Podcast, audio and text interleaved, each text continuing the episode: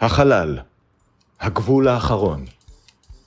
זהו מסעם של עידן זיירמן וארז רונן. משימתם, לצפות בכל הפרקים של סטארט-טרק לפי סדר כרונולוגי, לדבר עליהם ולצעוד בעוז למקום בו אף אדם לא צעד מעולם.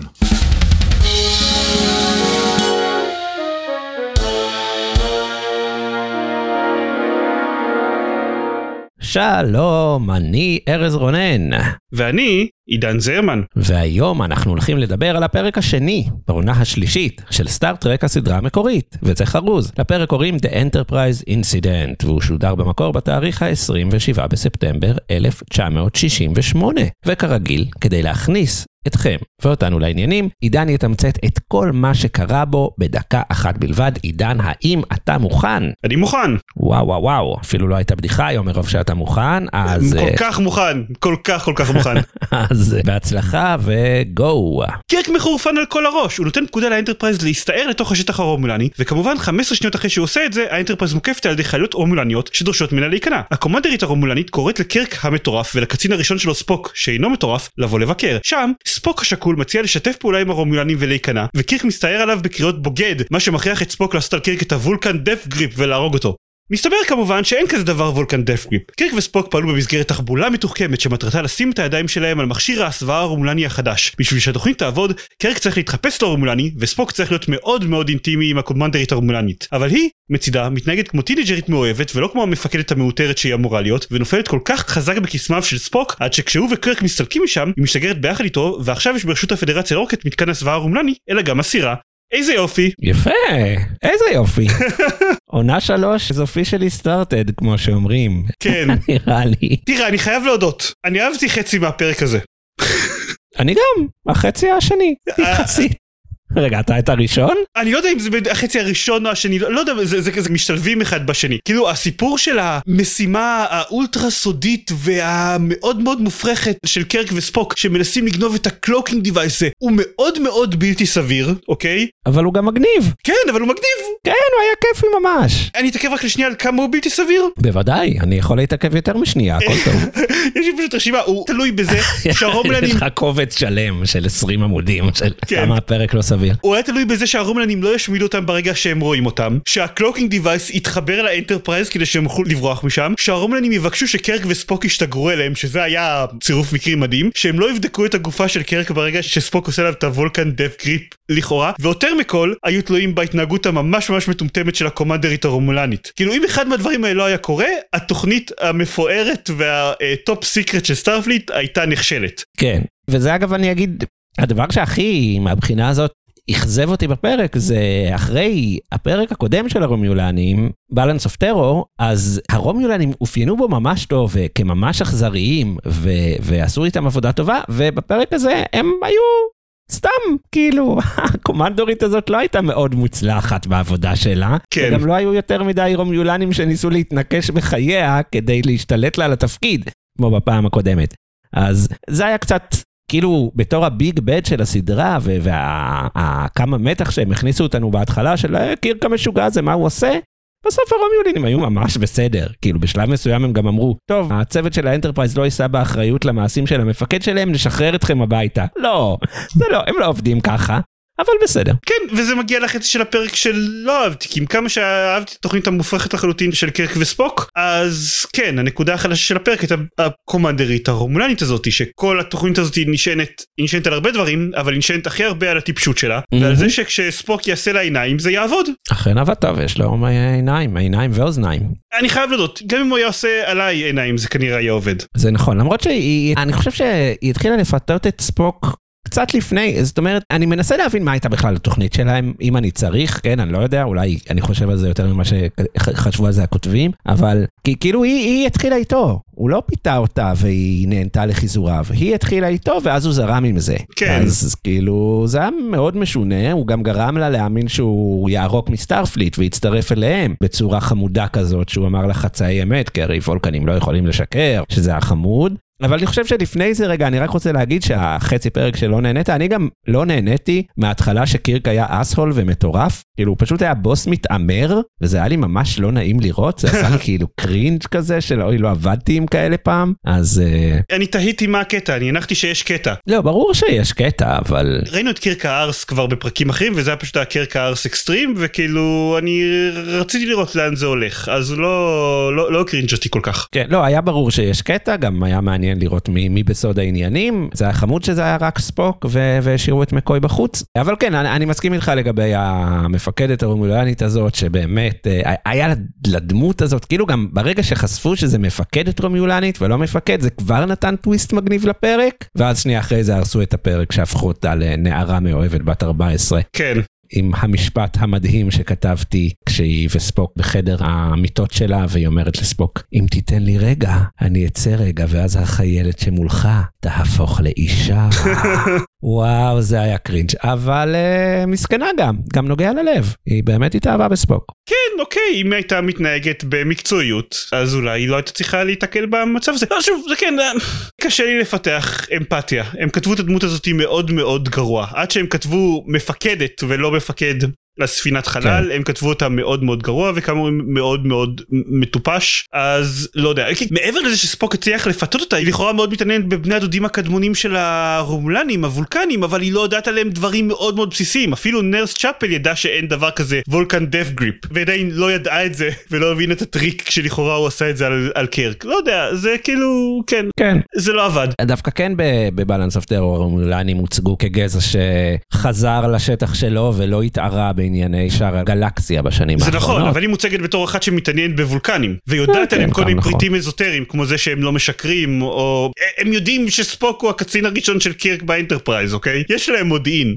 אז כן. לא יודע. כן, אה, אני, אני רק אגיד שגם אה, כן אהבתי עוד טוויסט חמוד בפרק שלפחות לא נתנו לקירק להיות גם הפתיין כאן. אני מחבב את זה שהופכים את ספוק לדמות קצת מינית, אני חושב שזה הפעם, זה לא הפעם השנייה, גם עשו, היה לו קטע עם נרס צ'אפל בפרק השני אני חושב, או השלישי, כן, היו, היו, קטעים. נוהגים לשכוח, אבל uh, עושים את זה מעט, וכשעושים את זה זה תמיד קצת מוזר, אבל גם קצת חמוד, אז uh, יאללה, אני, אני בסדר, חבל על המפקדת הזאת בעיקר. כן, אתה יודע אגב איזה מפקד כן התנהג בצורה נהדרת? לא? קיבלנו את סקוטי הטוב בפרק הזה. Mm, נכון. סקוטי היה המפקד של האנטרפרייז בתנאים לא קלים, כשהאנטרפרייז כן. מוקפת על ידי חלליות רומלניות שרוצות להרוס אותה, והוא היה סקוטי. כן, הוא שרד, זה נכון, עם השיער החדש, הוא עדיין יכול לעשות את הוא גם את שרד זה. בתפקיד המפקד והוא גם אה, חיבר את, ה... את ה cloaking device הרומלני שאף אחד אף פעם לא ראה פעם בתוך 15 דקות לאנטרפרייז. כן, דרך USB, זה כן. פשוט חיבר, אחלה סקוטי, כל הכבוד סקוטי. זה נכון. שני דברים שלא ידעתי אם להתעכב עליהם אבל בכל זאת אני רוצה להגיד.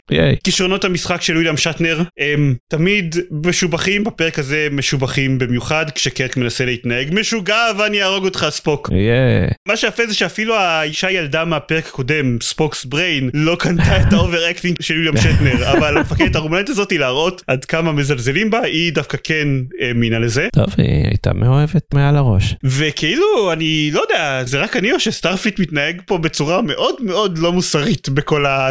בכל התוכנית הזאתי. אה, זה קצת היה Section 31, 13, איך שלא קוראים 31, כן הוא עוד לא קיים. כן, כן, בדיוק, אבל זה קצת הארכיטיפ של זה, המשימת מודיעין בעורף האויב, ולעבוד עליהם, ועכשיו זה גם לא פעם ראשונה שהשתמשו בסדרה בפיתוי נשים כדרך להערים עליהן ולהערים על האויב, אה, זה משהו שחוזר כמה פעמים, בסדר, זה חומר הגלם, עם זה אנחנו עובדים עם מה שיש. כן פשוט מאוד לא לא סביר אבל בסדר כן כמו שאמרת עם זה אנחנו עובדים. כן, נעבור לפינות? איזה כיף זה שיש פינות. איזה כיף זה שיש פינות. ספר לי קצת פרטי טריוויה על אה, ה incident, ה incident המפואר של האנטרפרייז. יש לנו טריוויה טובה לגבי הפרק הזה. הסיפור בגדול הושפע מה Pueblo incident.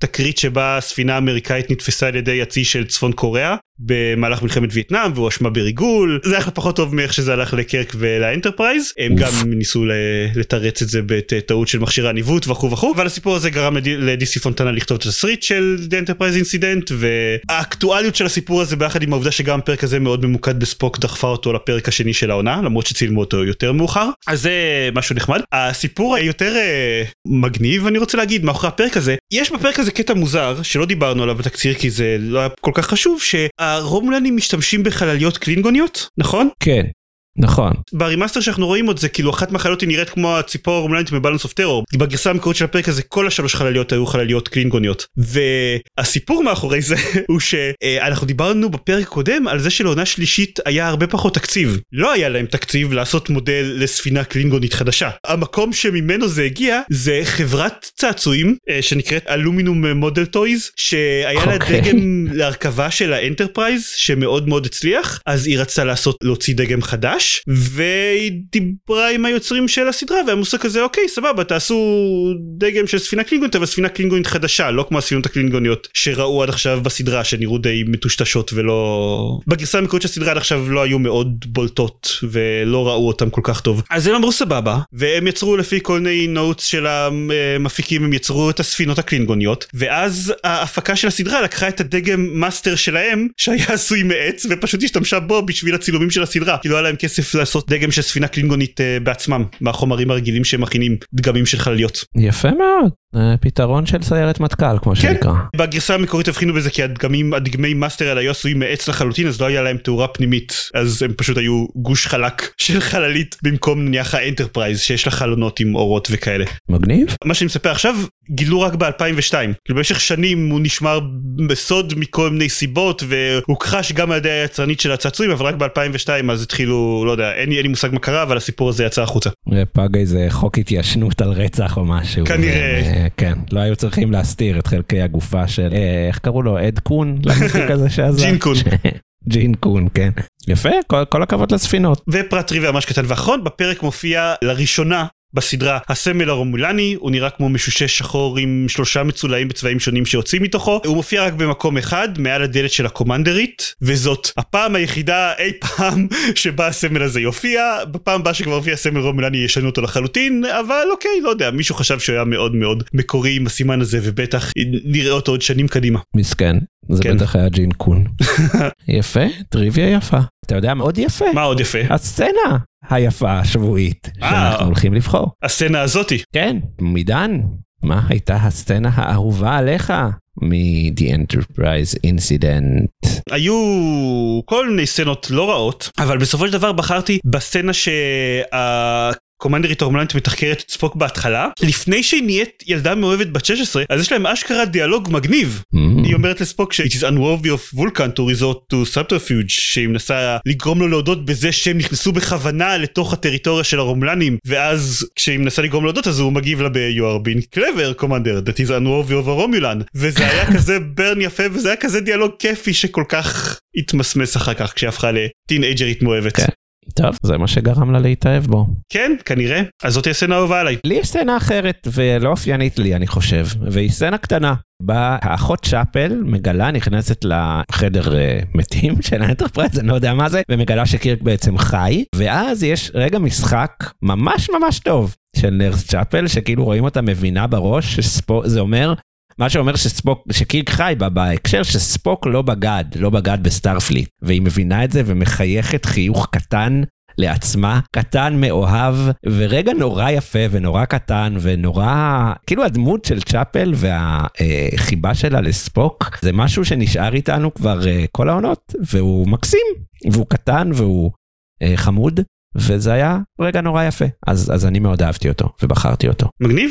כן. כל הכבוד לצ'אפל וכל הכבוד לך על שבחרת בסצנה הזאת. נכון, זו באמת הייתה סצנה יפה. אם אתם רוצים לבחור אה, מי מהסצנות שלנו יותר אהבתם, או להציע אחת משלכם, קבוצת הפייסבוק, צופים בין כוכבים הקבוצה, אה, מחכה לכם עם אה, סקר.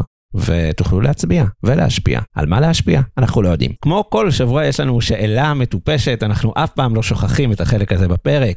אנחנו יודעים שיש אה, את ה Vulcan nerve pinch ועכשיו יש את ה Vulcan death touch או death pinch, לא יודע מה שזה לא היה. איזה מהלכים מיוחדים יש לקירק דווקא, עידן? אני חושב שבעיקר אה, צריך לזקוף לזכותו את ה flying קיק הביזארי שהוא עושה כל הזמן שהוא קופץ על הקיר ואז משגר את עצמו מהקיר כדי לתפוס את הצוואר של מי שהולך איתו מכות הוא עושה את זה ממש הרבה וזה מאוד אלבורט ומאוד מוזר ואני לא יודע עד כמה זה יעיל אז אז זה זה המהלך של קירק. זה אחלה מהלך. אני גיליתי, כשהייתי ילד האמת, ושיחקתי, אז גיליתי שאם עושים כזה רבע עיגול מלמטה ימינה ואז A, אז אה, קירק עושה היידוקן! ויורה כדור אש. אז זה, אני אוהב את ההיידוקן של קירק. סבבה. יש. יפה מאוד. ועכשיו סיימנו. שבוע הבא אנחנו אה, לא נדבר על אינצידנט, אלא נדבר על סינדרום, על The Paradise Syndrome. או, אז אה, אתם מוזמנים להצטרף אלינו, או לא, אבל אנחנו נעדיף שכן. תודה עידן, תודה ארז. תודה לרומיולנים, ותודה לספוק. בהחלט תודה. ייי, ביי ביי. להתראות.